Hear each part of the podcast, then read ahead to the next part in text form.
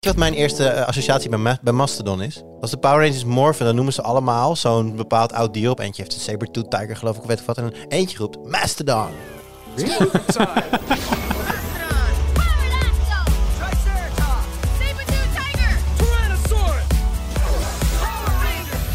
Hoi, leuk dat je luistert. Welkom bij een nieuwe aflevering van de Tweakers Podcast. Mijn naam is Wout en vandaag zit ik in de podcast met Arnaud Wokke Hoi.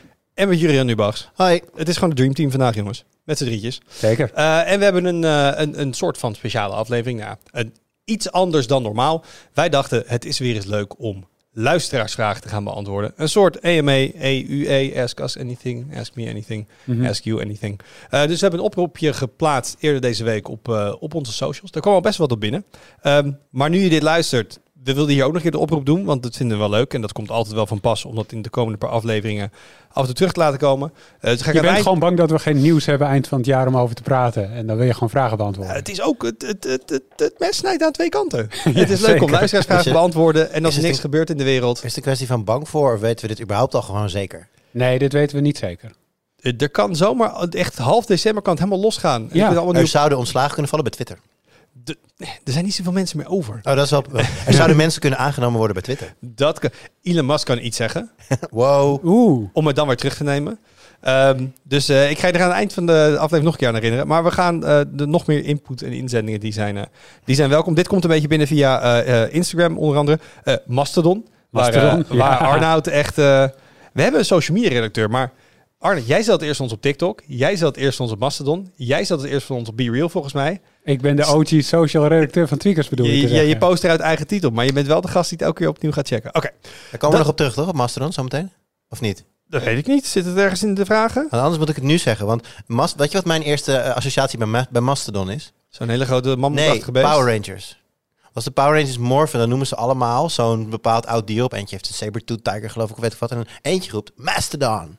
Really? Ja, volgens mij wel. Als, als dat niet zo is, dan heb ik het verkeerd in mijn hoofd opgeslagen. Maar dat is het eerste wat ik aan denk bij Mastodon. Zeker nu natuurlijk. Nu, ehm, eh, de- hoe heet die? Jason David Frank, die net overleden is. De groene, witte eh, Power Ranger. Dat was natuurlijk even, even actueel. En nu dacht ik ineens van, oh ja, het Mastodon, dat is ook Power Rangers. Wow, ik zit niet in de Power Ranger bubbel, maar ik ga het wel opzoeken. Dit kun je factchecken, want je hebt een laptop voor je. Oké, ja, maar, maar we gaan nu beginnen. we gaan dat nu wel met waar. de podcast aan de gang. Oké, eh, maar voordat we al die vragen gaan doen, ook wel leuk om gewoon even wat highlights te behandelen. Eh, dus te beginnen gewoon eh, op de Ja, Ja, ik zat dus laatst te denken, Mastodon, dat doet mij denken. nee, eh, ik heb een andere highlight. En eh, dat is eh, eentje uit... Ik wilde Arna het woord geven. Oh, je kijkt naar mij. Maar ik had niet gezegd, Jur, wat is je highlight? Oh, nou, Arnoud, wat is je highlight? Nee hoor, Jur, wat is je Nee, highlight? nou je was al ja, begonnen. nou, nee, nou ga ik niet meer. Arnoud, wat, is- wat is je highlight? Ja, nee, dan begin ik wel. Ik, ik merk dat het eh, een populaire plek is, eerste highlight. Wel, last, wel lastig dit trouwens voor degene die de stads had. Want eigenlijk heb ik de eerste beurt gepakt en hem toen weer weggegeven. Dus eigenlijk delen we nu de eerste beurt. Ja, inderdaad. Ja. Dat is een half puntje voor allebei. Ja. Ehm, eh, waar ik het over wilde hebben zijn spraakassistenten. Want eh, afgelopen maandag kwam het nieuws naar buiten dat eh, Amazon eh, dit jaar geen winst maakt op Alexa. Sterker nog, er, er zit wat verlies Dat op. is een mooie understatement. We hebben niet helemaal winst gemaakt, baas. Sorry. Nou Jur, ik, ik denk dat jij dit niet gevolgd hebt. Raad eens hoeveel verlies Amazon in een jaar maakt op Alexa.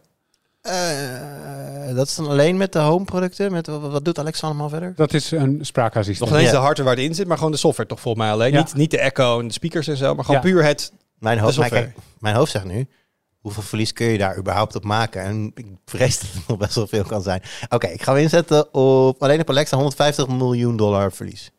En jij weet het, hè Wout? Ja, ik moet wel zeggen, ik, ik heb de headline voorbij zien komen en ik snap niet hoe dit zoveel geld kan zijn, wat Jur ook zegt. Ja, ik snap het ook niet helemaal.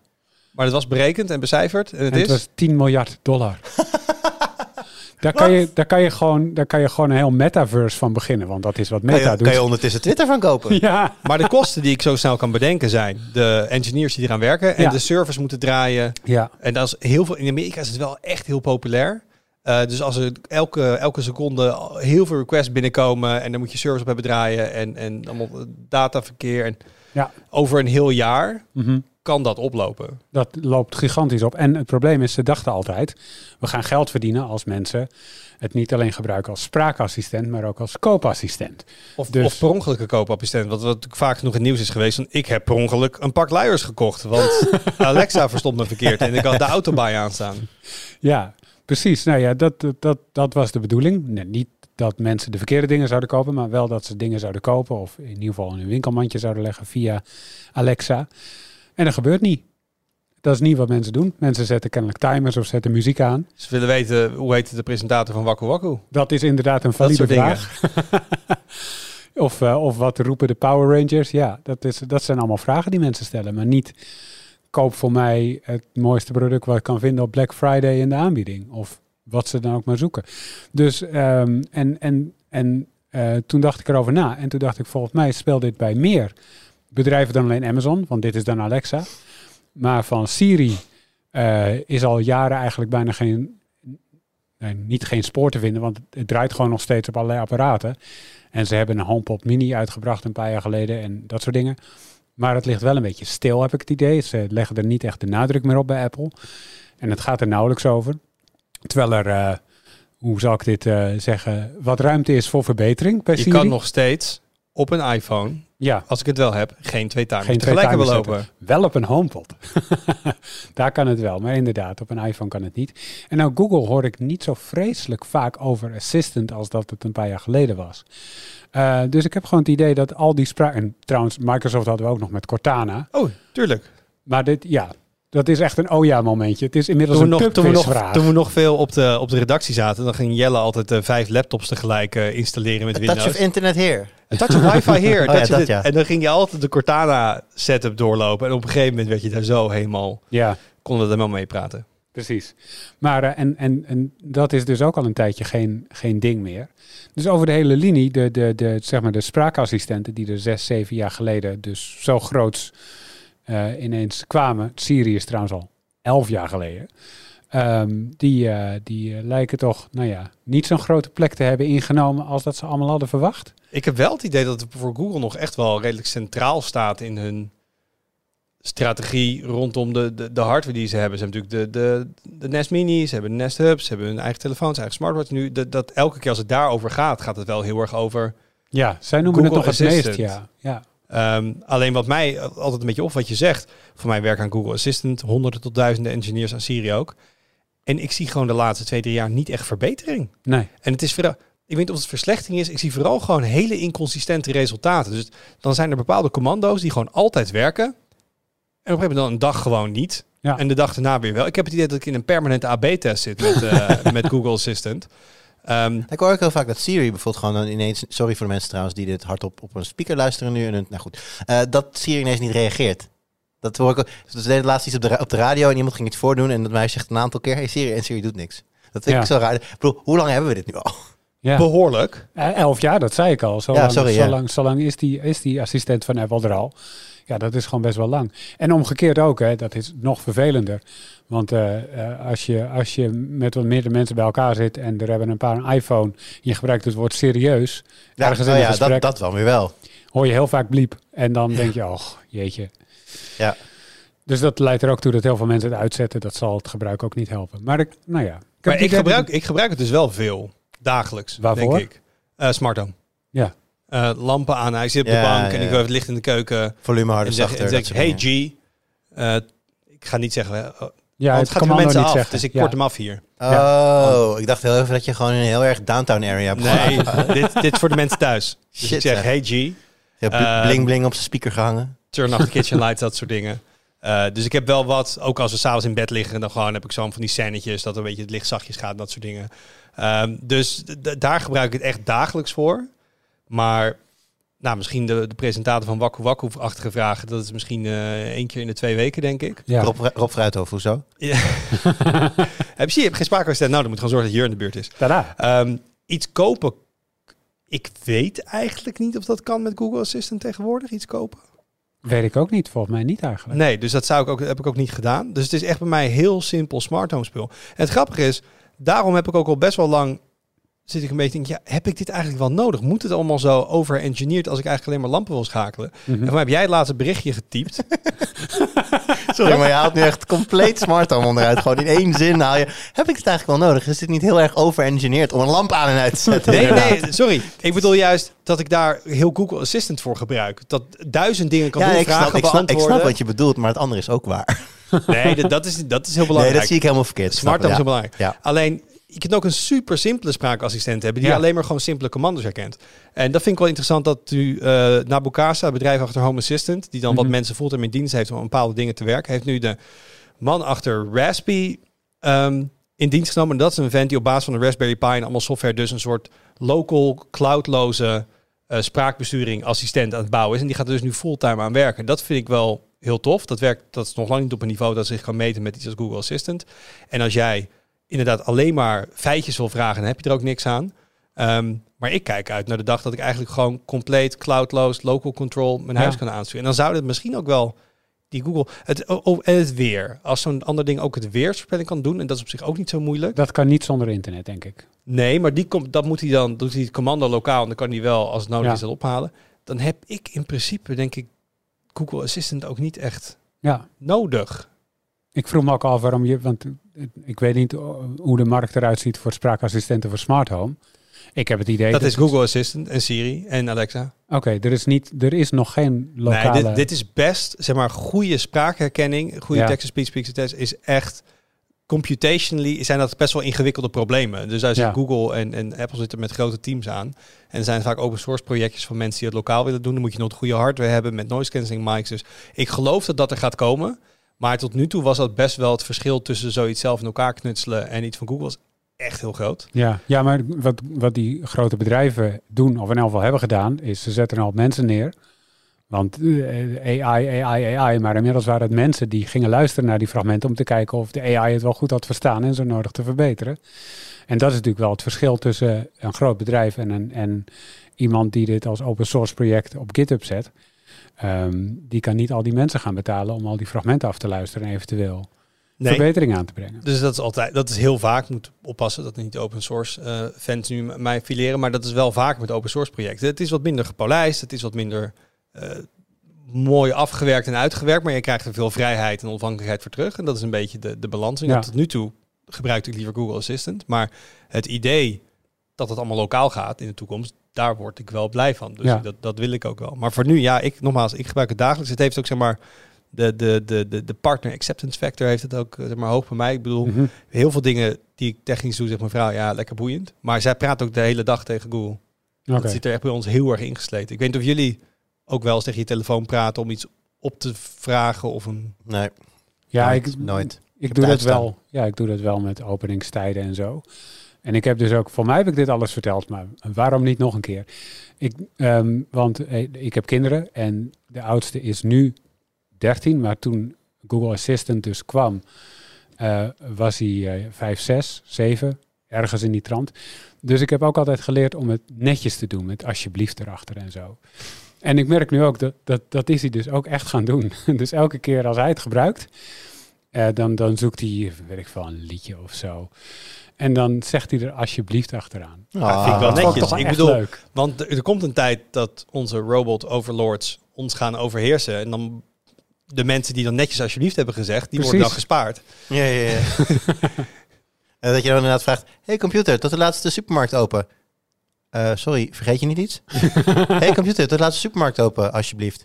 Alexa doet dat dus. Dat kun je instellen, dat hij bij kinderen... Oh, wat leuk. Inderdaad, Ja, heel sterk. reminder... eh, Ja, maar even, want we kwamen hier op omdat er dus een heel veel verlies was geleden. ehm, bij, op, op, op Alexa dus. ja. Heeft dat nog invloed op jullie eh, verwachtingen van deze technologie? Want ik heb wel zoiets van, ja, als dit zo'n nou, ja, bodemloze put is voor, voor dat soort grote bedrijven. Tuurlijk, ze hebben het geld, ze kunnen het zich veroorloven. Maar ja, hoe, hoeveel jaar vind je het leuk om 10 miljard te verliezen voordat het werkt zoals je het voor ogen hebt? Ik denk dat het voor Amazon niet onderdeel is van hun core business. Als ze, ze verwachten, mensen gaan in de toekomst zo dingen kopen. Wij zitten in de business van dingen verkopen, dus we moeten dit hebben. Als Ja. mensen dat niet blijken te doen, is het voor hun niet zo belangrijk. Google zit in de business van f- qua businessmodel advertenties verkopen, maar qua gebruikservaring zitten ze in informatie opzoeken. Mensen googelen dingen en ze denken, ja, maar mensen gaan op een gegeven moment niet meer googelen.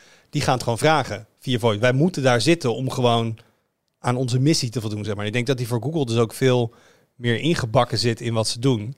En dat ze het ook niet per se erg vinden om daar heel erg veel in te investeren en nu verlies op te leiden. Want ze, kunnen op termijn niet zonder. En ik denk bij Amazon moeten ze op een gegeven moment denken, ja, als mensen via de app blijven shoppen en via de browser en dat soort dingen, en dat blijft gewoon zo prima doorgaan, dan hebben ze het ook niet echt nodig. Je zegt ze kunnen op termijn niet zonder, maar dat weet ik helemaal niet zeker hoor. Want deze techniek is er nu, nou ja, wat ik zei, el, elf jaar mainstream. En, en, en van meerdere aanbieders en meerdere bedrijven toch ook al jaren.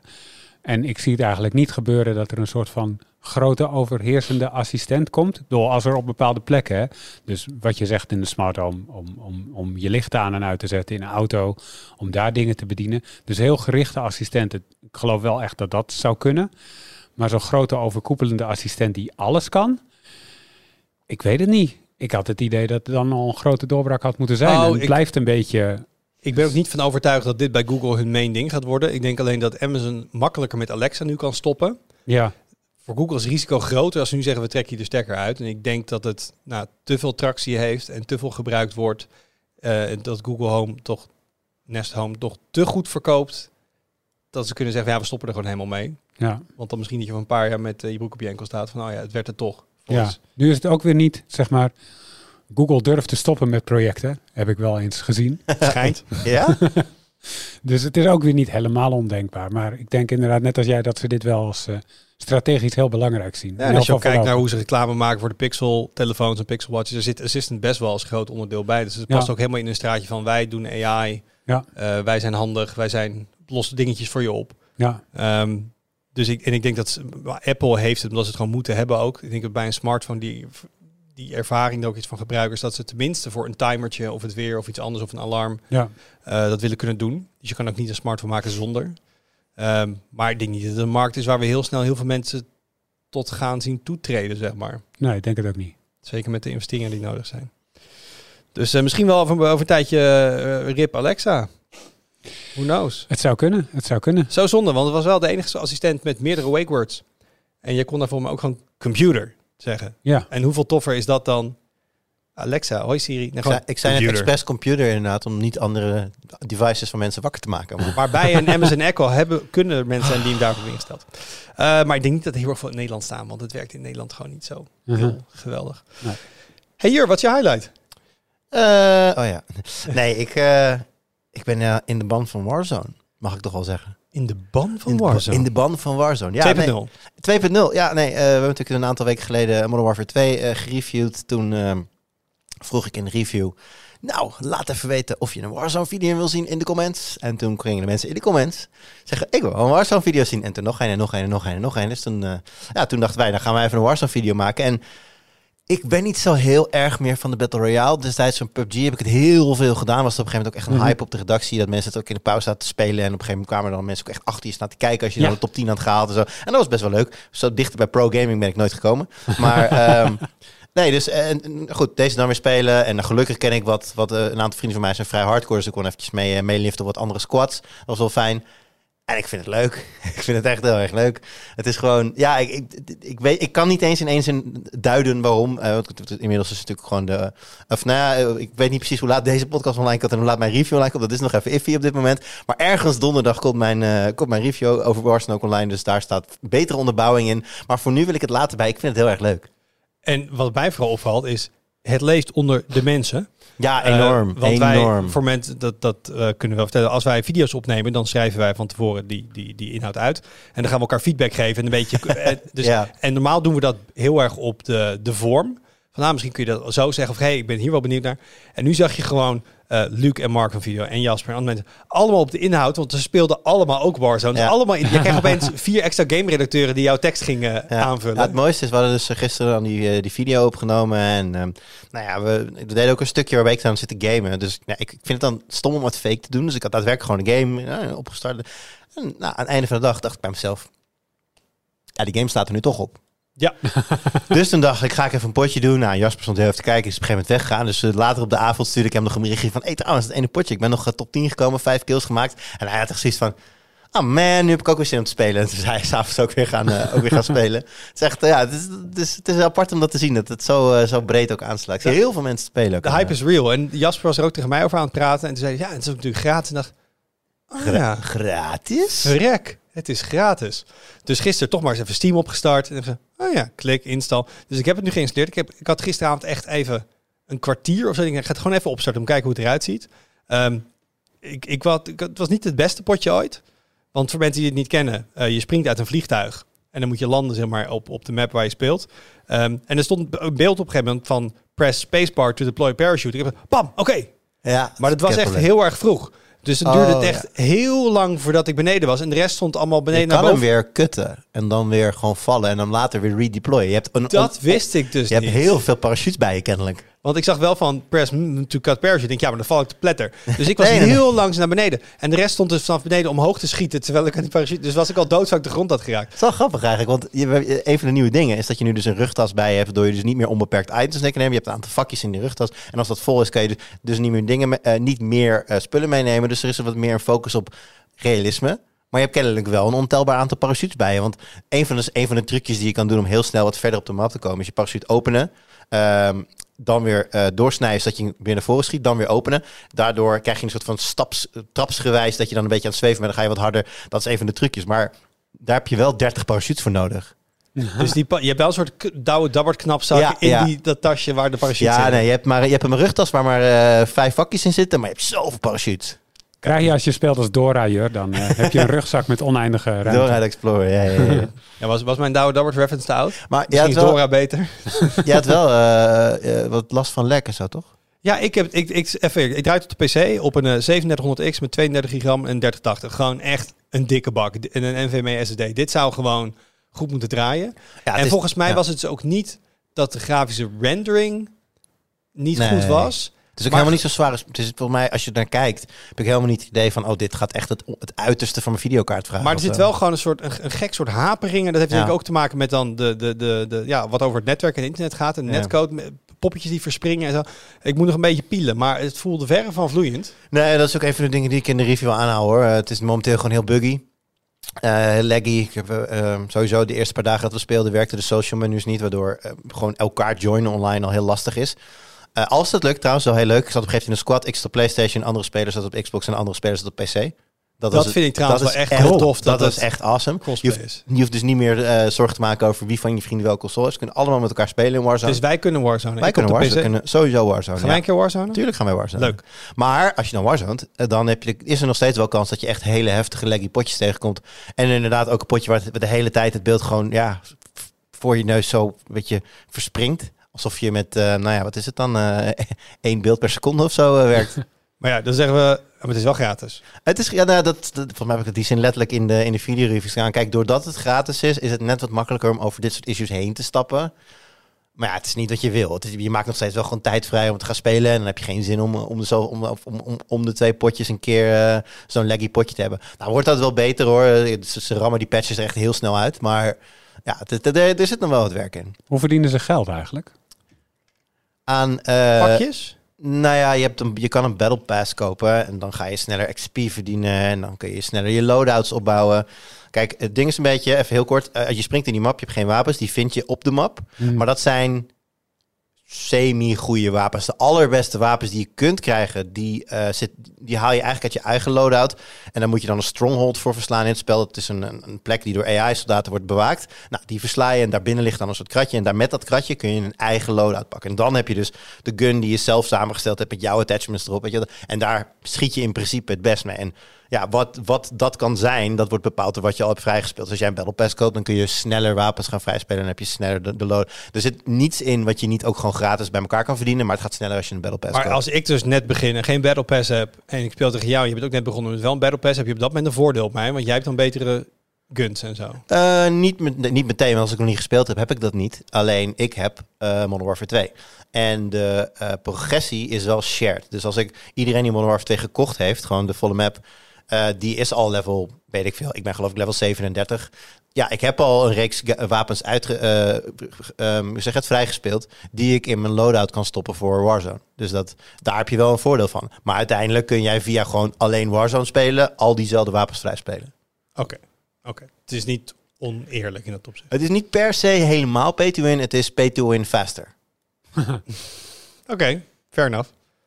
Eh, ik, ik, ga- ik moet het maar weer gaan proberen. Ehm, alleen ik moet even kijken waarom die mij zo schok gaat lopen. Maar er zijn zoveel mensen op de redactie die het spelen. Ja. En nogmaals, ik vind het echt leuk. Eh, en ik hoop dat, er, dat dit echt een standaard gaat worden in de toekomst. Dat gewoon alles cross-platform, multiplatform. Want Ja. hoe vaak gebeurt het niet? Oh, eh hey, we kunnen tegen elkaar racen. Ja, ja ik heb eh, op de PS5 heb ik nu even één keer. Ja, ik heb op de PC. Iemand anders heeft op de Xbox. Dan kun je dus niet tegen elkaar gewoon een potje spelen. Ja, zet wel ook een nadeel aan. In, in, eh, als, als je een multiplayer speelt die afgeschermd is per console, dan hoef je op, of per platform, dan hoef je op console je meestal niet zoveel zorgen te maken over cheaters.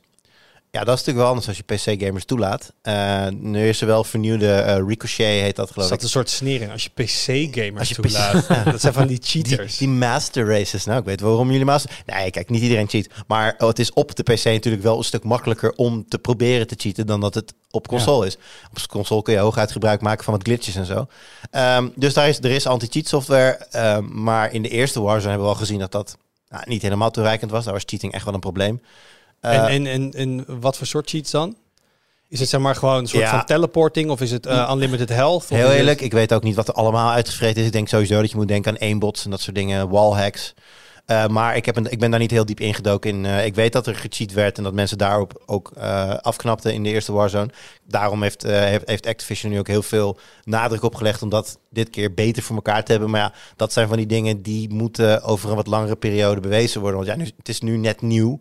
En nu zijn er vast mensen aan het kijken van wat ze allemaal kunnen en hoe ze om die ricochet anti-cheat heen kunnen werken. Ja, het is zo'n kat-en-muisspel ook. Precies dat, weet je wel. Het, het, het is, het is niet de vraag of het ze gaat lukken. Het gaat ze lukken. En dan is de vraag wat Ricochet gaat doen. Dus het is een beetje, ja, hoe dat, eh, zich, zich, hoe dat stabiliseert, dat is af te wachten. Kun je overigens wel uitzetten. Sowieso PlayStation is er een modus eh, waarin je eh, cross-platform kan uitzetten. En dus alleen tegen PlayStation kan spelen. Als je inderdaad echt denkt van, nou, dit vind ik gewoon niet leuk. Op Xbox schijnt die optie te ontbreken. Ik weet even niet hoe dat zit, maar je kunt dan wel weer in het main menu van je, in de menus van je Xbox zelf kun je het dan uitzetten. En volgens mij op PC kan je het helemaal niet uitzetten. Dan ben je gewoon veroordeeld tot samenspelen met console gamers. Mhm. Nou ja, ik denk dat als PC-gamer dat er weinig downsides aan zitten. Om Nee, nou ja, je- aan te spelen. Er is altijd wel een soort lichte aim assist voor mensen die met de controller spelen. En dat heb je met de muis niet. Dus het, het- Ja. maar, maar dat is wel vrij even, vrij even. Ik heb zeker niet het idee dat de PC-gamers of de console-gamers heel dik in het voordeel zijn of zo. Oké, wij gaan Warzone spelen. Ehm, kopen jullie nog wel eens wat op sites als AliExpress of in China? Is dat iets wat jullie Ah. regelmatig doen? Ik denk mijn laatste aankoop zijn eh, QCY in eerst geweest, denk ik. Dat is lang geleden al. Een jaar, twee jaar. Ja, ik ook zelden meer eigenlijk. Ja, ik vroeger bestelde ik ook veel meer. Eh, En Ja. dan hoorde ik mensen kleding en dat soort dingen en zo. Dus dat, dat is één ding wat me opviel. Maar ik had dus, eh, ik heb een, eh, ik heb een Pixel Watch uit het buitenland gehaald. Goh, laat eens kijken wat Google daarmee doet. En toen wilde ik bandje- bandjes hebben. En die van Google zelf zijn eh, stervensduur. Mhm. Dus ik dacht, ik ga eens kijken of ik gewoon wat van uit, uit China van die aftermarket bandjes kan krijgen. Dus ik heb ze wel via Amazon gekocht uiteindelijk. Maar dat waren dan dezelfde dingen die je via AliExpress kon kopen. En ik, nou, ik, het waren echt tientjes per stuk of zo. Ik denk, nou, ik bestelde gewoon vier. Mhm. Leren en een metalen en een dit en een dat. Ehm, en tot nu toe, als ik dingen uit China van dit soort goedkope sites bestelde, dan, dan was het eigenlijk best wel een prima ervaring. Ja, ik moest altijd even wachten. Ehm, maar wat ik dan bestelde, werkte wel. Dus ik heb nu vier bandjes binnen. Het is, het is geen elektronica, hè? Het is gewoon een bandje. Mhm. Alle vier werken ze niet. Wat? Want Google heeft dus een eigen eh, systeem ontwikkeld om die bandjes aan de Pixel Watch vast te maken. Dat is Ja. Een soort drukken en klikken en draaien. En dan, zit, ja, dan moet je dus wel aan de binnenkant, waar die tegen je telefoon of tegen, waar die tegen je watch aan gaat, moet wel een bepaald soort patroontje zitten. Er zit gewoon een bepaalde shape die je vastgrijpt. Ehm, en eh, twee bandjes eh, kreeg ik er gewoon niet in. Dus die waren zeg maar zo slecht afgewerkt dat er gewoon te veel materiaal nog om zat. Hij- Ze pasten niet, ze waren te groot eigenlijk in de mechaniek. Eh, en de andere twee die pasten. En dan dacht ik, oh wat leuk, die passen. En als je dan echt maar het lichtste klein beetje eraan trekt, dan kwamen ze meteen los. Dus ik denk, nou, dat, dat wil ik ook niet. Ehm, dus ik heb gewoon vier losse producten besteld die gewoon niet heel ingewikkeld zijn en het alle vier niet doen. Wauw. En dat vond ik gewoon gek. Dat is helemaal niet mijn ervaring met, Nee. eh, met dit soort dingen. En toen dacht ik ook wel van, ja, dat is misschien ook de reden dat je dit soort dingen daar niet moet kopen. Maar dus mijn vraag was, maar ja, dat gaat een korte highlight worden, want jullie kopen niet heel erg veel.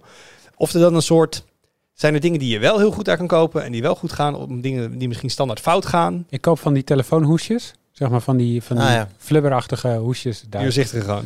Doorzichtige plak ik een magneet in, kan ik hem in mijn auto.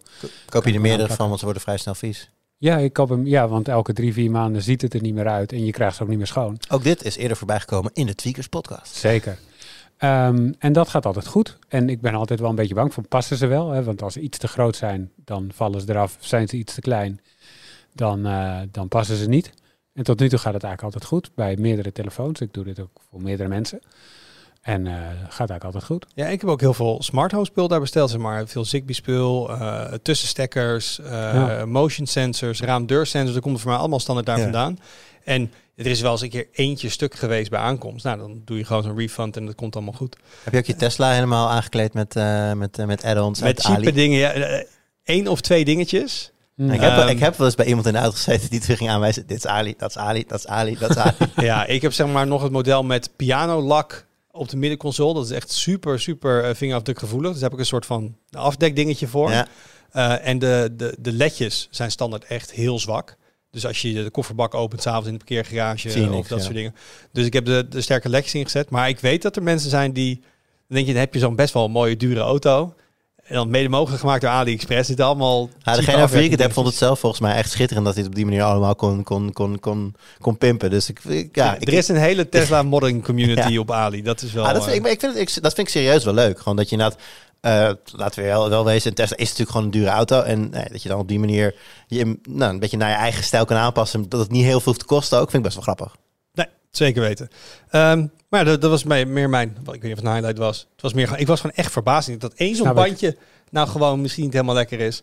Dus ik denk ook dat deze bedrijven, eh, zodra die Pixel Watch uit was, gewoon eentje hebben gekocht. Ja. Een soort hele snelle 3D-scan van het mechaniek hebben gemaakt. Snel CAD-modelletje, huppakee, in de CNC-vrees. Ja, eh, past ook ongeveer, huppakee, maken, maken, maken, maken. Eh, dus ik neem ook aan met een paar weken of maanden dat ook gewoon die aftermarket bandjes prima werken. Ik vind het grappig dat er nu ergens waarschijnlijk een bedrijfje is in China waar ze dachten, help, er is iemand die dat echt bestelt. iemand heeft zelfs. Pixel Watch. Ik moest er echt heel lang op wachten. Ja. En heel Reddit staat er vol mee hoor. Dus eh, in Hmm. Amerika worden die dingen wel besteld. Ehm, luisteraarsvragen. We hebben er een heleboel op een rijtje gezet. Ik zit even kijken. Ehm, de- de- de- Jur, Ja. Zou jij er eens gewoon een leuke willen uitkiezen om mee te starten? ja, ik, eh, ik, ik lees hem even op en dan ga ik daarna bepalen wie ik me vraag. Want eh, ik, eh, ik weet ik heb hem nog niet gelezen namelijk. Jens vraagt, hoe zien jullie het voor je als alles verplicht USB-C is? Zou dit, niet, zou dit innovatie niet de kop indrukken? En zou er dan geen bepaalde houdbaarheidsdatum aan die Europese regelgeving moeten zitten? Ehm, de tweede vraag stel ik misschien daarna achteraan. Ik denk USB-C ligt een beetje in jouw hoek, Arnoud. Ja, en ehm, eh, ik heb goed nieuws voor Jens. Ehm, hier zit een houdbaarheidsdatum aan. Elke, ik geloof vijf jaar, maar hou me ten goede, eh, wordt de wet die dit regelt eh, geëvalueerd.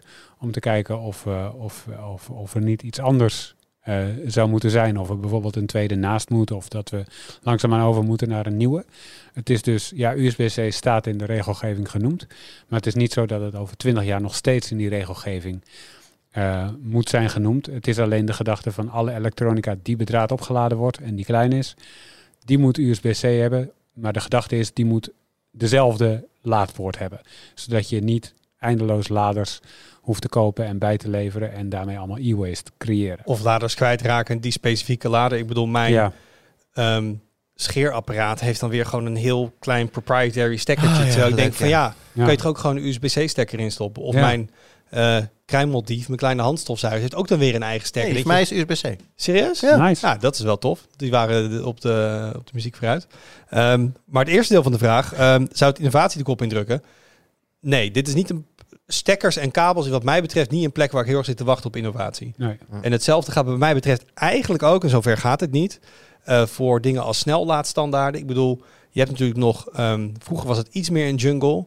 Nu natuurlijk wel van een beetje de BKK-merken, de Oppo's en de Vivo's en daar, die, die hebben nog wel eigen dingen. Maar wat mij betreft wordt het ook allemaal USB Power Delivery. Gewoon allemaal dat ik weet, oké, ik heb hier een laptoplader die 120 watt doet. En alles wat eronder zit, ik kan dan alles Ja. wat USB-C heeft daarmee snel Ja. laden. Dat vind ik als Ja. eindgebruiker en ik, nee, dat daar dan wat minder Nou, geïnnoveerd wordt. Er staat hier een vervolgvraag bij, die is van Noel Hilkema. En die vraagt, wat vind jij nu eigenlijk van de USB-connector? De kabel die ons zou, zou redden, maar uiteindelijk eh, wanhoop, en een, s- wanhoop en een zootje standaarden en verschillen werd. En daar zit een beetje, daar zit ook een klein beetje een mening in verkapt volgens mij. van, van Noël. maar, eh, ik, maar daar kan ik me heel erg in vinden. Want ik heb letterlijk hier op kantoor laatst vier of vijf verschillende USB-C-laders eh, geprobeerd... voordat ik er eentje had die de PlayStation-controller wilde opladen. De rest pakte die gewoon niet. Kan in de PlayStation-controller liggen, kan in die kabels liggen. Maar het geeft al wel aan dat USB-C is niet per se USB-C. En daar ligt wel een probleem. En het Ja. erg is nog, Thunderbolt gebruikt diezelfde stekker. En dan heb je dus USB-C en Thunderbolt. En dat is tegenwoordig een soort van hetzelfde. Behalve dat Thunderbolt ondersteunt alles van USB-C. Maar heeft dan bepaalde extra dingen waar ze streng in zijn die je ook moet ondersteunen. En dan krijg je dus ook nog verschillende kabels. Want dan heb je de kabel die eh, x aantal gigabit aan dataoverdracht ondersteunt. Eh, dan heb je USB-C docking stations die of wel of niet... Of laptops die video out over USB-C Ja. doen. Dus kun je... Nee, dus eh, de stekker, die is top. Want die past altijd. hebben niet dat de stekker net niet past of zo. Dat is heel goed in die stekkers maken. Die zijn heel mooi afgewerkt. Mhm. Maar ja, Noël had wel een beetje gelijk. Het, het, de belofte wordt nog steeds... Het wordt wel steeds beter. En we hebben, komen natuurlijk van USB A... En dat je nog soms die gekke B-stekker voor, voor printers, Printers, en zo. ja. Ja, dus het, het wordt echt wel beter. Ehm, maar of het ooit echt wordt dat je het inplugt, dat het gewoon altijd, it just works. Ehm, ik weet niet, ik moet wel zeggen dat de USB, ehm, het consortium wat hierachter zit, doet ook echt wel hun best. En ze hebben laatst weer dus een versimpeling gedaan van de naamgeving en de standaarden. Want eerst kreeg je dan, oh dat is USB 3.1 Gen 2. Ja, Je weet toch? En dan moet je snappen wat dat is. En dat ze dat nu veel verder versimpelen. Het moet op, gaat voor mij ook op de kabel staan, op de doos van de kabels, dat je gewoon weet wat heb ik in handen. Ehm, dus uiteindelijk, ik ben iets minder ehm, nou ja, negatief misschien dan wel, want ik vind wel heel fijn dat heel veel apparaten bij mij thuis nu USB-C zijn. Als ik een weekendje wegga, neem ik één lader mee. En daar kan ik dan heel veel dingen mee opladen. Eh, Mhm. Dan kan ik mijn Bluetooth-oortjes mee laden, dan kan ik mijn smartwatch mee laden, kan ik mijn laptop mee laden, kan ik mijn telefoon mee laden. En dat kon vroeger echt niet. Dat waren dan heel veel laders. Ja. Ehm, dus ik vind het onder de streep beter dan wat we hadden. Maar wat mij betreft maakt de belofte nog niet waar. nee, nee. Nee. helemaal eens. Wil je nog, wil je er nog één over USB-C? Hebben Tuurlijk, ik kan Nou, dan doen we dit gewoon USB-C, over USB-C. beginnen. Ja, want Stefan die vraagt zich af van... eh, hij zegt van ja, dit zou eigenlijk pas eh, voor de iPhone 16 of 17 waarschijnlijk gaan gelden. Maar ik was wel benieuwd hoe jullie de kans inzien dat er misschien wel helemaal geen USB-C iPhone komt. Maar dat zij misschien wel gewoon een portless iPhone gaan versnellen. Ja, dat, eh, dat zou een theoretische mogelijk zijn, mogelijkheid zijn. En het mag ook volgens de regelgeving. Want het geldt alleen voor dingen die je bij draad kan opladen. Dus draadloos valt daar niet onder. Eh, maar toch denk ik niet dat ze dat gaan doen. Sterker nog, het is niet iets wat ik denk. Dat is iets wat eh, Ming-Chi Kuo denkt. En dat is een eh, analist die, die heel veel weet en heel veel info heeft over toekomstige Apple-producten. En vaak het bij het juiste eind heeft. En ik denk als we volgend jaar naar een, een iPhone zouden gaan die geen poort meer heeft om te laden of voor dataoverdracht, ehm, dat, dat, dat Apple daar inmiddels wel, nou ja, eh, andere bedrijven op aan het voorbereiden zou zijn. Want dan zou je heel veel draadloze laders moeten hebben en zorgen dat, dat, dat het ecosysteem helemaal op volle stoom is. Eh, of hoe noem je dat? Op volle stoom? Helemaal op stoom gekomen is het Op stoom gekomen, ja. Ehm, en, eh, en daar zijn helemaal geen aanwijzingen voor. Ja. Dus eh, nee, ik en denk gewoon dat de USB-C gaat. En ik vind ook geen voordeel. Dus Nee. bijvoorbeeld denk aan eh, telefoons die echt gecrashed zijn, die je moet recoveren, die je moet debuggen. Dat je gewoon iets met een kabel aan een PC kan hangen Ja. en dan gewoon er tegenaan kan babbelen. Dat is gewoon een hele fijne, ook voor reparatiewinkels en Maar zo. heb jij het wel eens meegemaakt dat Apple in de iPhone een bepaalde poort weghaalde, wat totaal geen voordeel bood voor iemand behalve voor Apple zelf? Nooit. Nooit. Vertel me meer. Heb ik iets gemist?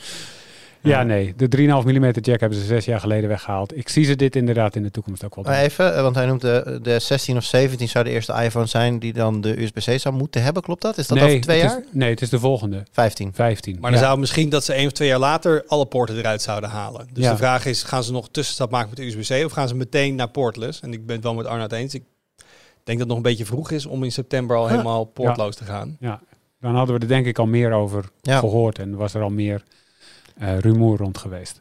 Ja, nee, ik zie het voordeel niet. Maar wat je zegt, eh, ja, eh, ik zag ook geen voordeel van een 3,5 mm jack. Ik wil zeggen, als hij gewoon tegelijkertijd bij die, eh, bij die iPhone 16 of 17, whatever het is, eh, dan de, de draadloze lader meeleveren of zo, die je dan gewoon kan kopen, dan... Nee, maar dan heb, je al, dan heb je al heel veel draadloze laders thuis liggen, dus dan gaan ze niet meer meeleven. Ja, maar als ze, ik, bedoel, ik bedoel meer als ze zeg maar niet dat bedje keurig hebben voorbereid, kunnen ze hem ook gewoon tegelijkertijd uitbrengen en zeggen, ja, moet hem kopen. Ja. Nee, En mensen gaan het toch wel kopen dan, dus ja. En Ja. met MagSafe op zich, als sta- dat begint al bijna een soort standaard te worden. Ook Mhm. trouwens voor...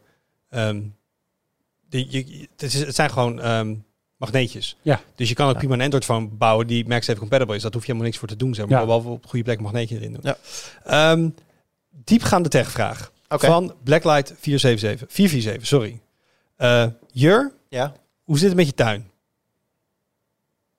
Ja, die zag ik even niet aankomen. Ehm, Voor de mensen die het weten. eh, Oh, ja, ik denk dat een, eh, wat is het, een maand of vijf geleden. mei, nee, in de meivakantie heb ik het, heb ik het gelegd, dus ja. Heeft Jur het over zijn tuin gehad. En Ja, ja. Blacklight 447 die wil weten hoe het ermee staat. Ja, nee, ik heb destijds inderdaad steen uit mijn tuin gehaald en er gras in gelegd. En jullie ook allemaal uitgelegd waarom dat ook belangrijk is voor, voor de natuur en zo. Ehm, het gaat niet zo heel goed. Met, nou, het gaat voor een groot deel goed met mijn gras. Maar het gaat ook niet... het- We hebben een best wel warme, droge zomer gehad. En ik heb hem ook redelijk aan het sproeiverbod gehouden. En dat heeft eh, geleid tot wat, eh, ja, wat minder lekker groeiende, meegroeiende stukken in mijn eh, gazon. Dus die zal ik van het voorjaar waarschijnlijk moeten gaan bijzaaien. Nou heb ik gehoord dat wij hier ergens in House bij Tweakers een grasgoeroe hebben lopen. Ik weet dus niet of je luistert. Dus als je luistert, we gaan je naam niet noemen, Nee. maar we hebben het over Ja, jou. hij weet wie hij weet. Als ik grasgoeroe bij Tweakers zeg, dan kan het maar één persoon zijn. en Dus Jur dat- heeft je nodig. Ja, dus, dus ik als, heb- dit, is, dit is een soort maar bad signal. Dus eh, Help, help me, Obi Gas Kenobi, you're my only hope. Eh, nee, dus het- gaat niet zo goed verder. Daar ben ik heel blij mee hoor. Gas is lekker. We hebben er van de zomer lekker in gelegen. En het eh, hondje vindt het ook fijn om erin te liggen. Dus dat, eh, dat nee, gaat, wat dat betreft gaat het goed. Maar ja, het onderhoud, eh, de zomer had uitdagingen. En nu eh, ja, heeft het wat meer onderhoud nodig straks in, in het voorjaar waarschijnlijk. Hmm, Helaas. mooie update. Ik heb er een voor jou, Wout. oké. Van Willem Jan. Die wil weten welke software update preference heb je ingesteld op je Tesla. En hij zegt erbij, als tweaker vermoed ik advanced, waardoor je volgens mij vroeger releases krijgt en meer beta gedrag.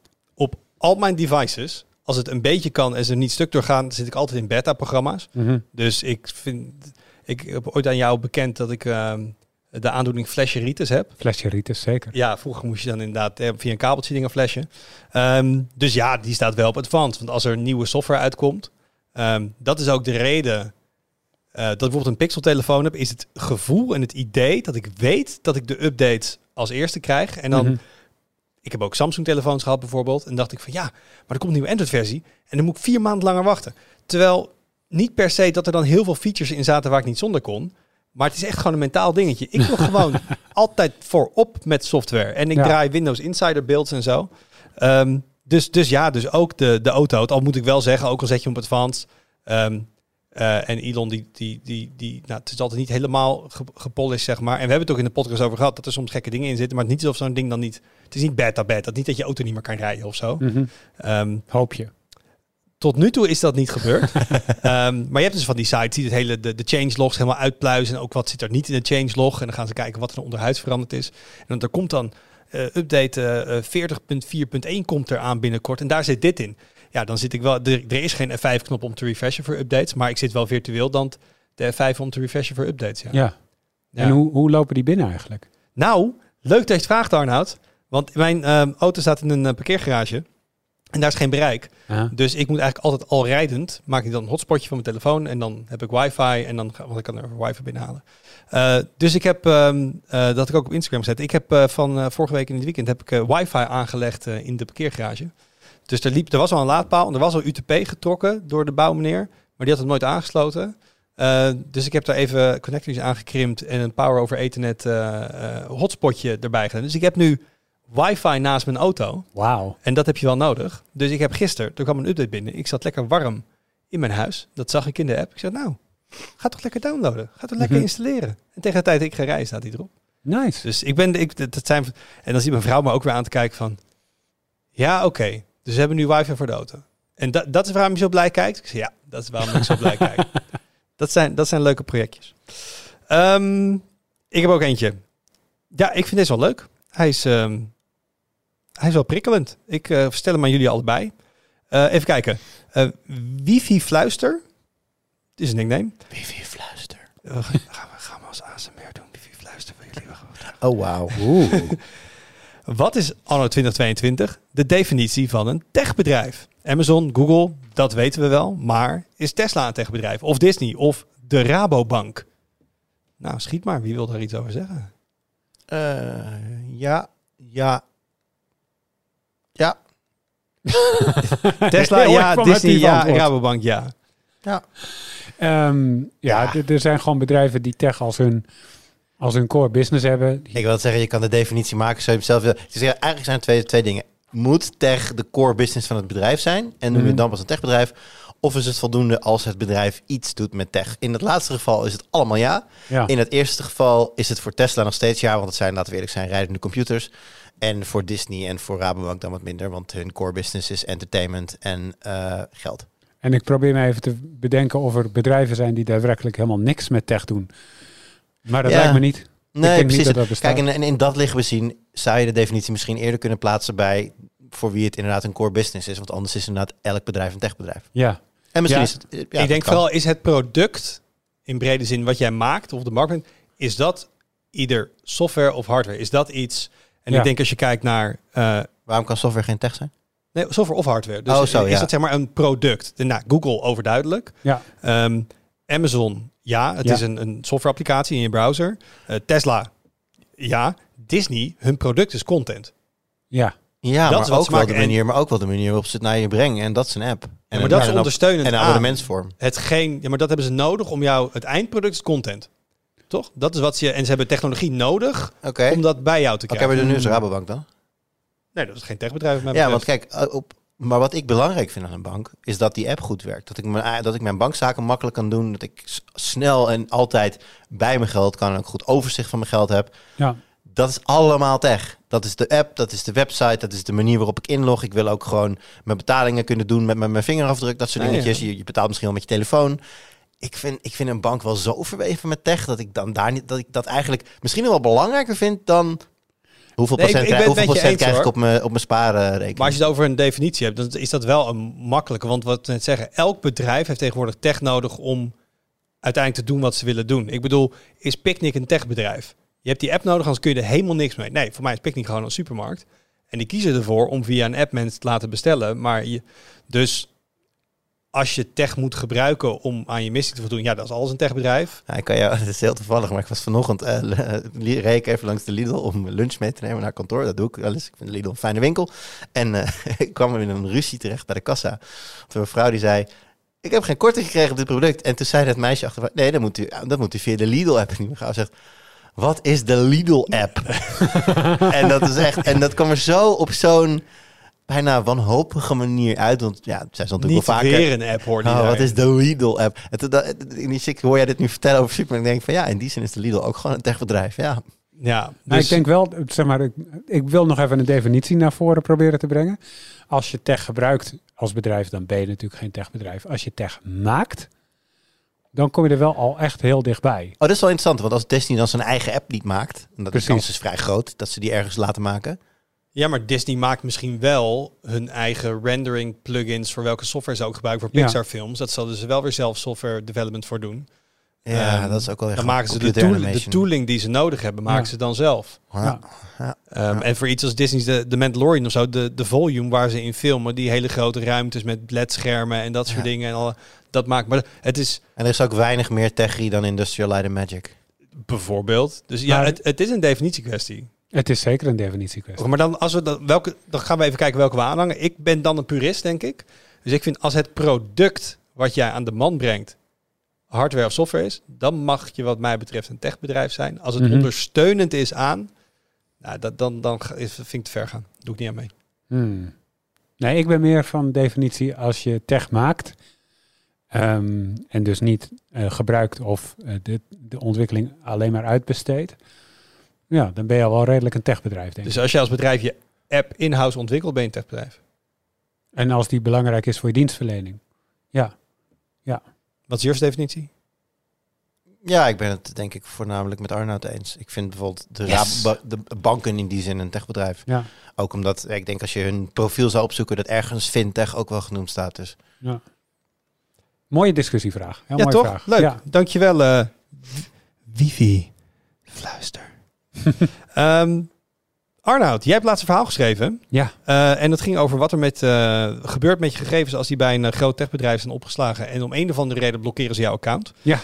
Dus dit is een vraag van Martijn. Dit is natuurlijk overduidelijk voor jou. In hoe, hij is aan ons gericht, maar ik stel hem eerst aan jou. In hoeverre denken jullie, jij, na over wat er in de toekomst met je gegevens uit bijvoorbeeld Google Drive of Google Foto's wordt gedaan? En welke, welke privacy-minded cloud opslag alternatieven raden jullie aan? Nou, jij bent hier heel veel mee bezig geweest. Als iemand hierover nagedacht heeft, ben jij het. Ik heb de afgelopen paar weken, ja, ik wil niet zeggen aan weinig anders gedacht, maar eh, ik heb hier veel over nagedacht. En ik heb van veel mensen gehoord die, eh, die hiermee te maken kregen en, en die dus ook gelijk zeggen, ja, weet je wat ik nu doe? Ik sla alles lekker lokaal op, want eh, mijn eigen NAS kan me niet blokkeren. Ehm, en, en dat is natuurlijk ook een heel terechte opmerking. nou, ransomware, maar goed, dat maakt niet uit. Ga ja, verder. dat zou kunnen, inderdaad. Maar niet vanwege een Nee, of andere foto of whatever. Ehm, eh, dus ja, daar denk ik zeker over na. Ik gebruik ze wel nog steeds, maar niet meer als enige. En dat doe ik al eigenlijk sinds het vorige verhaal van anderhalf jaar geleden. Eh, heb ik ook een lokale backup eh, in werking gesteld. En elke paar maanden doe ik dat ook keurig. Ik heb een remindertje staan om te zorgen dat ik dat inderdaad even doe. Als ik met iets anders bezig ben, dan kan ik alle, vooral foto's en, en, en filmpjes en zo lekker uh, daarna doorsluizen. Zodat ik die in ieder geval niet kwijt ben op het moment dat ik uh, controle over mijn accounts verlies. En ik probeer waar mogelijk en goed te doen, ook uh, qua logins en zo, zo min mogelijk afhankelijk te zijn van die grote techbedrijven. Zodat als ik de controle over mijn account verlies of ik word geblokkeerd, dat het dan niet ook nog eens allerlei andere diensten treft. Ja, want naast storage heeft, uh, nou, als je bij Google zit, is het Gmail of het is iCloud mail. Dus hoe, hoe ga je met je mailadres om? Bij heel veel diensten, als je aanmeldt, moet je een mailadres invullen. Ja. Gebruik je daar nog een groot techbedrijf e-mail voor? Ja, helaas wel. Daar ben ik nog niet. Uh, dus nog als niet jij over. niet in jouw e-mailbox kan, heb jij wel een probleem. Dan heb ik echt een probleem in. Ja, nu heb ik dat wel een beetje verspreid. Um, dus niet alles zit op hetzelfde mailadres. Dus ik ben niet gelijk alles kwijt. Maar dat is de enige safeguard die ik uh, heb ingebouwd. Dat is wel een leuke naam voor een e-mailserver. groottechbedrijf.nl Arnoud.groottechbedrijf.nl Van bigtech.nl. Ja, ja, ik vind het wel mooi. Denk ja. jij hierover na hier? Of heb jij hier maatregelen nee. in? Dat dacht ik al. Nee. Nee, ja, ik, noem mij dom, maar ik, uh, ik heb alles gewoon op mijn Google Drive staan en voorlopig, uh, of Google Foto's of wat dan ook. Als, als Google besluit mij niet meer te mogen, dan heb ik wel een probleem. Mm. Ja. Dus ja, ik zie ook zeker de domheid daar wel van in, maar ja, gemak dient de mens. Zeker. Ja. En Google is wel gemak. Dus, ja. ja. En jij, Wout? Ik, ik, doe wel dubbele backups. Dus um, ik heb iets dat heet um, Backblaze. Dat is een soort, uh, nou, dat is gewoon echt uh, domme backup, zeg maar. Uh, dat zijn die, dezelfde gasten die na een jaar elke keer stats naar buiten brengen over welke harde schijf het is ja. kapot gaan. Daar ja, wel eens over. Uh, dus daar gaan de echt belangrijke dingen heen. Dus eigenlijk gewoon foto en video, persoonlijke vakantie, dat soort dingen. Uh, dus dat staat veilig. E-mail, nee, maar ook weer naar jouw nieuwste verhaal hierover. Ik zit er wel um, naar te kijken. ik heb trouwens een tijdje teruggekeken naar een lokale gehoste Nextcloud instance. Mm. Um, dat is echt niet zo ingewikkeld om te doen. Maar ik wilde dat eventjes snel op een zondagmiddag even helemaal opzetten. En dat, dat ging niet helemaal. Toen heb ik het weer ja. een beetje laten varen. Maar op zich, een eigen Google Drive-achtige uh, oplossing zelf maken, dat, dat, dat kan tegenwoordig best oké. Okay. Dus daar wil ik wel nog een keer naar kijken. En ja, het hele idee van niet meer in je e-mail kunnen, dat is wel eigenlijk best wel eng. Dus ik zat er eigenlijk aan te denken om gewoon een forwarder ergens aan te maken. Dus um, nou ja, ik heb gewoon mijn eigen domein, zeg maar, uh, ja. En dan dat ik hem gewoon laat forwarden naar Gmail. Dat is prima gewoon op dit moment, want ik vind het een fijne dienst. Maar als ik er ooit niet in kan, dan kan ik ook gewoon de forward aanpassen naar een ander mailadres. Dan hoef ik ja. niet overal e-mailadres aan te passen. Dus ik oh, denk, slim. denk dat ik dat misschien binnenkort wel even ga ja. instellen. Want als jij, stel je voor, Google besluit jou te blokkeren, kun je dan al wel je licht aanzetten? Met de lichtschakelaar op de muur? Oh, die heb je ook nog gewoon. Ja, ah, maar als ik dus ergens... Lichtschakelaar op de muur. Dat kan ik gewoon. Maar dus als je met, met dat e-mail, dus stelt dat mij, ik nu uit mijn Gmail ge, ge, gelokt word en ik wil dus ergens um, mijn wachtwoord resetten of zo, nou, dan kan ik dat niet meer erin laten lopen. Maar ja, als ik dus geregistreerd ben met een e-mailadres wat niet van Google is, wat alleen een forward is, dan laat ik ja. een forward naar iets anders. En dan kan ik wel dat soort dingen weer doen. Um, dus nu ik het zeg, dacht ik, oh ja, die zat ik vorige week ook aan te denken. Deze gaat even op de to-do-list om ook echt wel binnenkort is ja. te doen. Is een ban van Google eigenlijk account-related of persoon-related? Want dan ben ik wel heel benieuwd als jouw eigen persoonlijke account wordt geband. Zij zien, oh wacht even, we hebben nog een ander adres. Namelijk, deze meneer werkt namelijk ook bij een bedrijf dat G Suite gebruikt. Daar, daar gaan we hem ook van weer. Nee, het is, een, het is voor een account, het is niet voor een. Maar het is, het, is wel perso het is wel persoonlijk. Voor mij zakelijk. En, het zou nog een hele interessante moment kunnen opleveren. Dat dan. doen ze wel gescheiden. Maar er was iemand in de reacties onder jouw stuk die ook zei dat hij geband was uh, van zijn Google-account tegen copyright infringements. Um, en die zei wel. Nou, je hebt het zelf publiek gezegd, dus ik ben er niet aan bijna. Die zei ook van ja, ik heb wel meteen een nieuw account geopend. Maar dat mag niet helemaal. Als ze daarachter komen dat ik dat gedaan heb, dan kunnen ze die ook weer dichtgooien. Ja. Um, dus het is in dat opzicht wel persoonsgerelateerd. Je account gaat dicht, maar het is ook niet de bedoeling dat je dan een dag later weer een nieuw account opent. Nee, oké, okay, maar waar, waar Jur het over had was als je persoonlijk account uh, dicht gaat, betekent dat ook dat je zakelijk account ook dicht gaat. Ja, maar nee, dat is dat, niet dat, zo voor dat, zover Dat mag ik niet, uh, mag ik niet hopen. Uh, wie ziet nog wat leuks in de lijst staan? Nou, je, je sprong er net over eentje heen die ik nog wel leuk vind. Ja, echt hè? Uh, maar die is voor ons allemaal wel goed, dus ik lees hem gewoon eventjes voor jullie op. Denk je dat techno technology, technologie ons goed heeft gedaan of juist niet? Heeft het ons leven makkelijker gemaakt of juist ingewikkelder? Zijn we dichter bij elkaar gaan staan of juist verder weg door technologie? Als vraag van Noel Hielkema, ik vind hem fantastisch. Hij is heel goed. En het antwoord is ja. Het antwoord op je vraag is ja. Alles is ja. Wacht even. Het Heeft het ons het goed gedaan? het ja. Of juist niet? Ja. Ja. Makkelijker gemaakt? Ja. Ingewikkelder? Ja. Zijn we dichter bij elkaar gestaan? Ja. Ja. En verder weg? Ja. Ja, alles ja. Ja, Dus toch nummer, is het, antwoord, het tegelijkertijd antwoord op je vraag is ja. Is ja, ik, het is, eh, ja nee, ik, ik snap wel wat je bedoelt. Het klopt, Ja. het, het klopt wel. Want het is niet, het is ook, het- je kan de vraag binair stellen en dat is prima. Maar eh, het antwoord is natuurlijk niet binair, het is ongelooflijk genuanceerd. Ja. Ehm, ja, het heeft ons goed gedaan. Ik bedoel, je kan nu van alles wat je, wat je 40 jaar geleden niet kon, ehm, dankzij technologie of, of zelfs korter geleden. Ah. Ehm, en dat is een zegen voor heel veel mensen. Het brengt ook mensen heel vaak dichter bij elkaar. Je kan makkelijk communiceren met familieleden die Ja. aan de andere kant van de wereld wonen. Er zijn heel veel dingen makkelijker gemaakt in je leven. Ja, ja je kan eh, op, over grote afstanden in grote groepen bellen, videobellen, alles. Besef, En- besef even dat er een tijd is geweest dat mensen die op vakantie gingen... zo'n, en ik doe nu een heel grote beweging met mijn handen... zo'n dik boek mee moesten nemen in de auto... om te kijken hoe ze moesten rijden in de Ja. auto. Ja, ja, Om maar even iets te noemen. Dat je een hele stapel cd's moest meenemen... dat je anders de hele tijd hetzelfde moest luisteren in de auto. ja. Dat Ja, is- ik heb die tijd meegemaakt. Ja, ik ook. Heel veel Bastien Adriaan geluisterd. Ik weet nog dat ik eh, als, eh, als klein kind, eh, even, even terug in de tijd, ehm, mijn ouders zijn gescheiden, dat is misschien niet zo boeiend, maar ik was met mijn vader op vakantie, was op een camping en ik wilde dan even met mijn moeder bellen, maar dan moest je naar de telefooncel en dan moest je ook Ja. afspreken, ik, hè, ongeveer dan en dan, en muntjes en dat soort dingen. Ja. Dus als je dan hè, weg was, en ik weet ook, denk ik een jaar of tien geleden, dat mijn vrouw voor de studie in het buitenland zat. En dat was toen echt nog wel, ook daar veel minder goed qua internet en dat soort dingen. Dus moesten we ook, moest zij naar het internetcafé. En dan zaten we op een heel Ja. brak lijntje Ja. te Oh, ja, skypen. en dat moest je ook helemaal inplannen dat we daar dan gingen zitten Ja. en dan skypen. En dan Ja. was de verbinding te slecht. En ze was van de zomer ook in het buitenland. Ehm, ik ben een van de weinige mensen die Google Duo gebruikt. En dat komt dat je heel makkelijk gewoon korte filmpjes kan maken. In plaats van dat je dus met iemand belt en dan krijg je Ja. iemand schoon te zien. Ehm, en we waren gewoon constant de hele dag door filmpjes aan het sturen. En af en toe gewoon aan het videobellen. Ja, d- d- als je dat vergelijkt gewoon. En, Mm. en Ja. dan denk ik, hoe fijn is dit dat je zo Ja. dicht bij iemand kan zijn. Zo verbonden kan voelen. En toch, hè, als je dan, want je hebt waarschijnlijk, eh, de- misschien even een random voorbeeld, maar er was laatst zo'n foto, of vorig jaar volgens mij al, zo'n ingekleurde foto uit volgens mij eind 19e eeuw van mensen die een sneeuwbalgevecht aan het houden zijn. Heb je die gezien? Ja, Nee. Ja, weet gewoon zo'n zo'n ingekleurde foto, van zo zou het er dan nu ongeveer uit hebben gezien. En dan zit ik toch naar die foto te kijken en denk ik, ja, geen smartphones, überhaupt geen auto's, weet je wel. Je denkt van, sim- simpelere tijden, dat wel, weet je wel. Het is, de wereld is oneindig, want dat is ook, ja, de wereld is oneindig veel ingewikkelder geworden, want je krijgt alles mee, je kan alles zien. En ja, die zijn boeken over geschreven, maar de mens is niet gemaakt om alles mee te krijgen en alles te zien en met Nee. iedereen een connectie te maken. En je kan deze vraag denk ik ook specifiek over social media stellen. Dat, is- dat is ook zo'n... ehm, ik wil een Engels woord zeggen, dan voel ik me meteen weer in de podcast of niemand. Het is zo'n double-edged sword. Ah, je hebt het woord dat- computability al gebruikt, dus wat dat Daarom. betreft. Ehm, want is, social media he- heeft zoveel goede dingen, maar ook als je nu kijkt met nou, wat er nu op Twitter gebeurt en, en hoe, hoe het met verkiezingen en bots en trolls Ja. en wat het soms doet met het zelfbeeld van mensen, denk je van ja.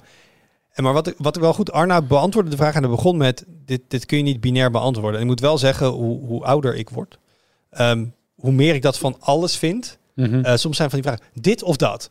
Is die persoon goed of is dat een slecht persoon?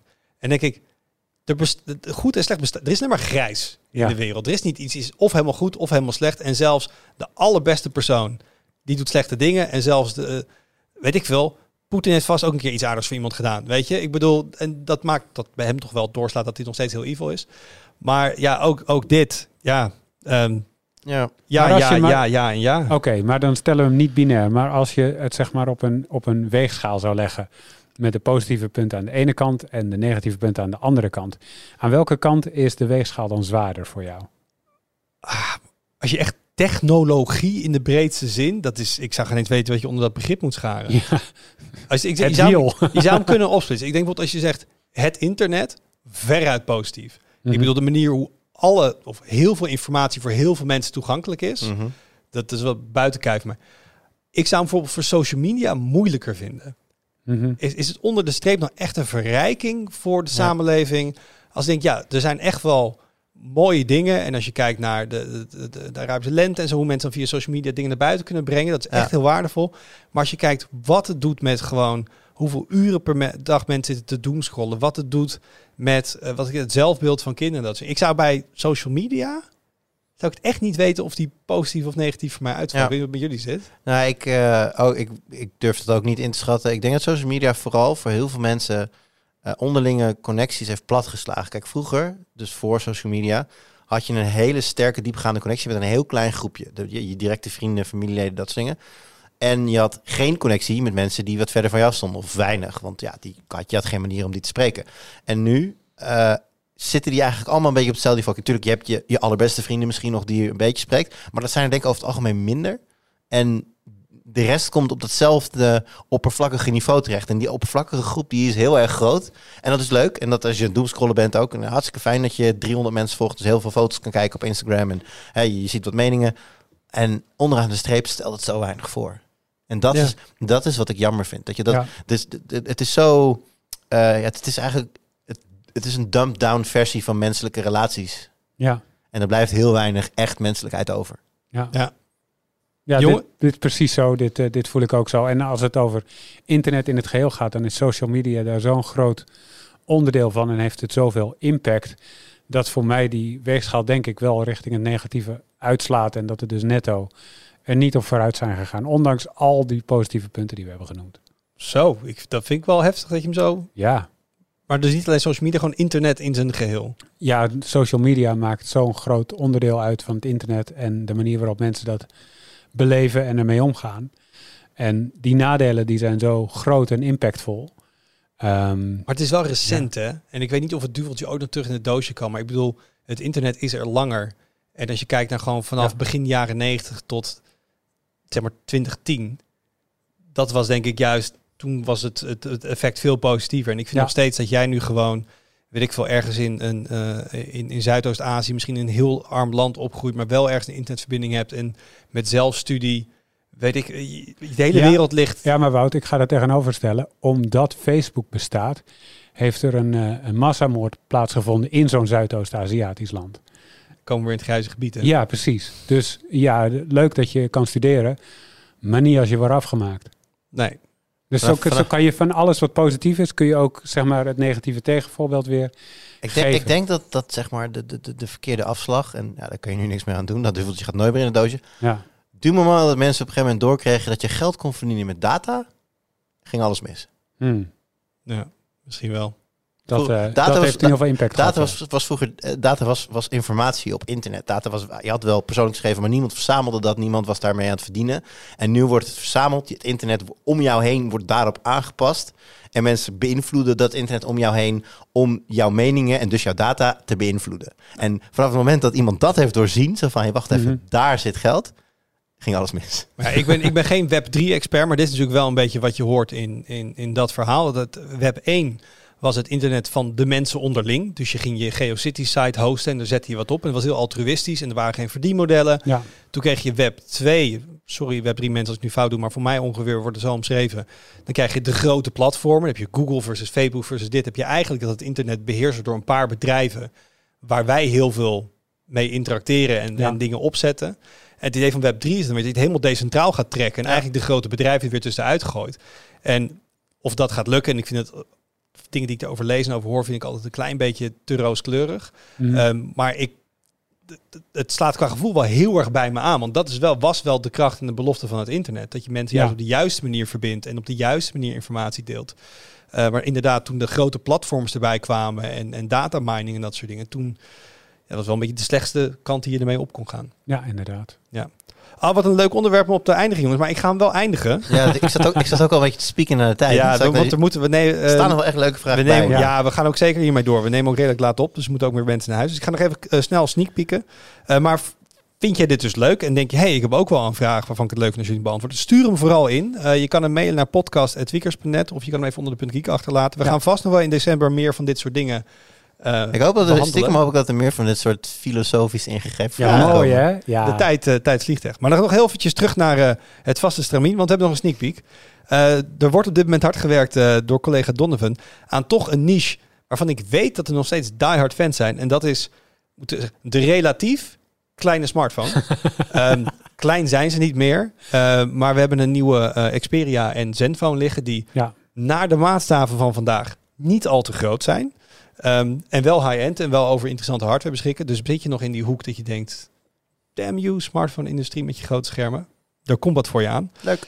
Eh, collega Erik, die is eh, met een head-to-head bezig van... ehm, ik, ik word af en toe een beetje, ik werd af en toe een beetje moe als mensen zeiden, ja, welke smartwatch moet je hebben? Zeggen mensen, ja, gewoon de Apple Watch. Ja, dat, dat is leuk als je een iPhone hebt. Ja. Maar voor de mensen die niet dan, oh ja, wat dan wel? Nou, daar gaat Erik proberen antwoord op te geven. Die heeft de, de nieuwste eh, Samsung eh, Galaxy Watch. En we hebben dus de Pixel Watch uit het buitenland gehaald. Nou, als je dus een Android-telefoon hebt en je wil niet per se een sporthorloge met een smartwatch, eh, die gaat hij head-to-head zetten. Ehm, en nog allemaal leuke andere dingen die eraan gaan zitten komen. Dank dankjewel, heren. Graag Ik gedaan. vond het leuk. Ja, Ja. zeker leuk. Ja, dus eh, er zijn nog wel vragen over. Eh, dus blijf ook vooral insturen en we gooien ze niet weg. Dus eh, wij komen nog op dingen later terug. Nou, ik heb het eh e-mailadres al genoemd, dus dat ga ik niet meer doen. dus dankjewel voor het luisteren en tot de volgende keer. Doei.